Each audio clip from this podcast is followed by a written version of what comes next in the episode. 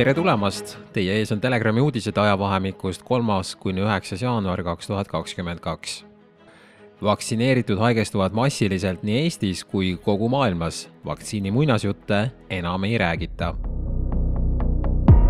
kohtuotsus FDA peab Pfizeri dokumendid avalikustama seitsmekümne viie aasta asemel kaheksa kuu jooksul Texase föderaalkohtunik andis kuuendal jaanuaril USA Toidu- ja Ravimiametile FDA korralduse avalikustada kaheksa kuu jooksul andmed, millele amet tugines Pfizeri Covid-19 vaktsiinile kasutusloa andmisel.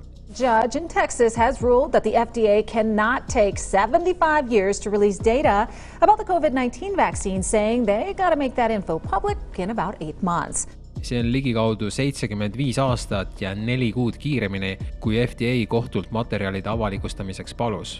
FDA-l endal kulus aga dokumentide läbivaatamiseks täpselt sada kaheksa päeva. kas tõesti töötati selle aja jooksul läbi circa nelisada viiskümmend tuhat lehekülge dokumente ja tehti kindlaks, et vaktsiin on turvaline? RKI andmetel on üheksakümmend viis protsenti omikroni juhtudest Saksamaal täielikult vaktsineeritud Robert Kochi instituut jagab oma aruandes, et üheksakümne viiel koma kuuel protsendil inimestest Saksamaal, kelle koroonatest oli omikroni tüve suhtes positiivne ja kelle vaktsineerimise staatus oli teada, olid täielikult vaktsineeritud. veelgi enam, kakskümmend seitse protsenti täielikult vaktsineeritutest olid saanud ka tõhustusdoosi. Pole enam mingi saladus, et uute haigestumiste esirinnas on enim vaktsineeritud riigid graafik maailma enim vaktsineeritud riikides on kõige rohkem nakatunuid. vaktsineerituid nakatunuid on niivõrd palju, et osa riike ei pane lähikontaktsetele enam isegi isolatsiooninõuet. näiteks on nõnda otsustanud talitada Belgia. AstraZeneca vaktsiini kaaslooja ja Briti vaktsineerimiskomitee juht professor Andrew Pollard kutsus üles kainele mõistusele me ei saa vaktsineerida tervet planeeti iga nelja või kuue kuu tagant. see ei ole jätkusuutlik ega ka realistlik, rõhutas ta.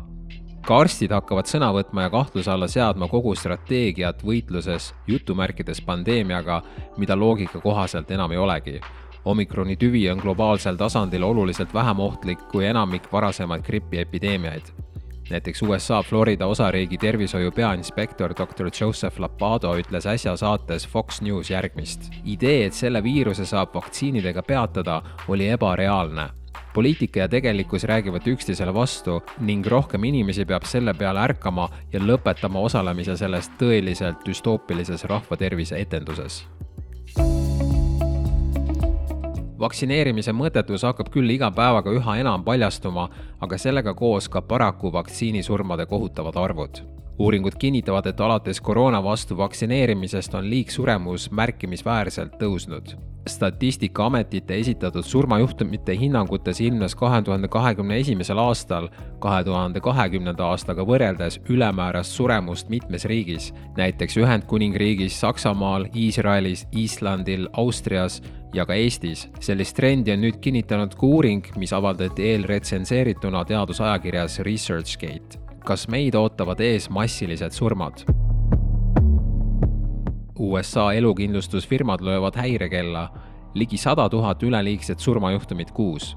USA elukindlustusfirmad löövad häirekella ja teatavad, et praegu registreeritakse Ameerikas ligi sada tuhat üleliigset surmajuhtumit kuus kaheksateist kuni kuuekümne nelja aastaste ameeriklaste ehk tööealiste ameeriklaste surmajuhtumite arv on tõusnud nelikümmend protsenti. Liigsurmasid uuritakse ka Eestis. professor Fischer kinnitab, kahe tuhande kahekümne esimese aasta kolme tuhande liigsurma uuriv teadustöö on lõpusirgel. kui tavaliselt sureb Eestis circa viisteist tuhat viissada inimest aastas, siis kahe tuhande kahekümne esimesel läks manala teele üle kaheksateist tuhande viiesaja inimese teaduste Akadeemia akadeemik Krista Fischer ütles Telegramile, et vastav uuring on Tartu Ülikoolis lõpusirgel ja avalikustatakse tõenäoliselt lähinädalatel. Nagu juba detsembris Tervise ja Heaolu Infosüsteemide Keskuselt teada saime, siis kahe tuhande kahekümne esimesel aastal suri ligi viis tuhat kolmsada inimest, kes olid saanud kaks vaktsiinisüsti ja üle üheksasaja inimese, kes olid saanud ühe kas saab öelda, et tänu vaktsineerimisele vähenes suremus koroonasse ja seda presenteerida eduloona, kui samal ajal tõusis suremus märgatavalt? kas olulist rolli võis mängida üldine stressitaseme tõus? Kas lõpuks saab ka meil suuremat kõlapinda arutelu, kas koroonameetmetest võib kokkuvõttes olla rohkem kahju kui kasu? loodame, et kõnealune teadustöö aitab nendele küsimustele vastuseid leida. aina enam hakatakse nüüd huvi tundma ka WHO vaktsiinipassi lepingute vastu, mille Ratas sõlmis. nüüd selgub, et see on kehtetu valitsus vastas Telegrami päringule seoses WHO ja Ratase vaktsiinipassi lepinguga. Riigikantselei strateegia direktor Henri Katago vastas Telegrami advokaadile Robert Sarvele, et palju kära tekitanud Jüri Ratase valitsuse ja Maailma Terviseorganisatsiooni vaheline digitaaltervise valdkonna koostöölepe sisuliselt ei kehtivat valitsus väidab, et selle lepingu alusel ei ole eriti mingeid täiendavaid kokkuleppeid tehtud ning see üksainus kokkulepe, mis tehti, on ka katkestatud ning kavatsetakse lõpetada. Kuigi vaktsiini Titanic on jäämäega juba kokku põrganud, ei taha osa riike seda kuidagi tunnistada hullumeelsus, Austrias maskid ette ka õues, Saksamaa surub lastele pähe hingamist takistavaid maske. olematu pandeemia ettekäändel on Austria otsustanud karmistada koroonareegleid liidu kantsler Karl Nehammer teatas neljapäeval Viinis, et kui kahemeetrist vahemaad ei suudeta hoida, tuleb edaspidi Austrias isegi välitingimustes kanda ka FFP2 ehk meditsiinilist maski. Saksamaa ebaterviseminister Karl Lauterbach aga soovib ahistada lapsi, keda koroona mõjutab kõige vähem või üldse mitte, sundides neid klassis kandma FFP2 maski Saksamaa tarbijakaitseorganisatsioon uuris viiteist erinevat lastele mõeldud mudelit ja tulemused olid hirmutavad. maskid takistavad hingamist ega sobi kuidagi laste tervise jutumärkides kaitseks. Eestis õnneks vanemad oma lapsi maskitama ega vaktsineerima ei kipu. perearstikeskused on hädas koroonavaktsiini lastedooside ülejäägiga see on paratamatus, kui mõned doosid jäävad üle, kommenteeris Haigekassa pressiesindaja Sander Rajamäe ta lisas, et perearstidele ülejäävate dooside äraviskamine rahaliselt kahju kaasa ei too. servapidi tunnistab senise vaktsiinipoliitika läbikukkumist ka uus teadusnõukoda. teadusnõukoja uus juht, mask näitab suhtumist ja vaktsiinid loodi hoopis teistsuguse viiruse vastu teadusnõukoja uus juht Toivo Maimets aga ütleb, et vaktsiinide kohustuslikuks muutmisega ei saa me hakkama ja praegused vaktsiinid tehti hoopis teistsuguse viiruse vastu. et need vaktsiinid tehti hoopis ühe teistsuguse viiruse vastu. kas selle info valguses on üldse veel vaktsineerimisele survestamine kuidagigi õigustatud? Kogu intervjuu üheks haripunktiks oli aga ajakirjaniku enda tähelepanek.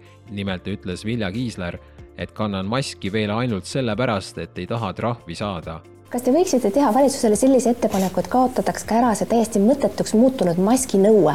mina seaduskuuleka inimesena kannan maski veel ainult sellepärast, et mulle trahvi ei tehtaks. ma panen, nätsutan selle maski kokku, panen taskusse ja võtan välja siis, kui lähen bussi, aga sellisena, andke andeks, on see täiesti mõttetu ja ma olen näinud, et kõik inimesed teevad nii.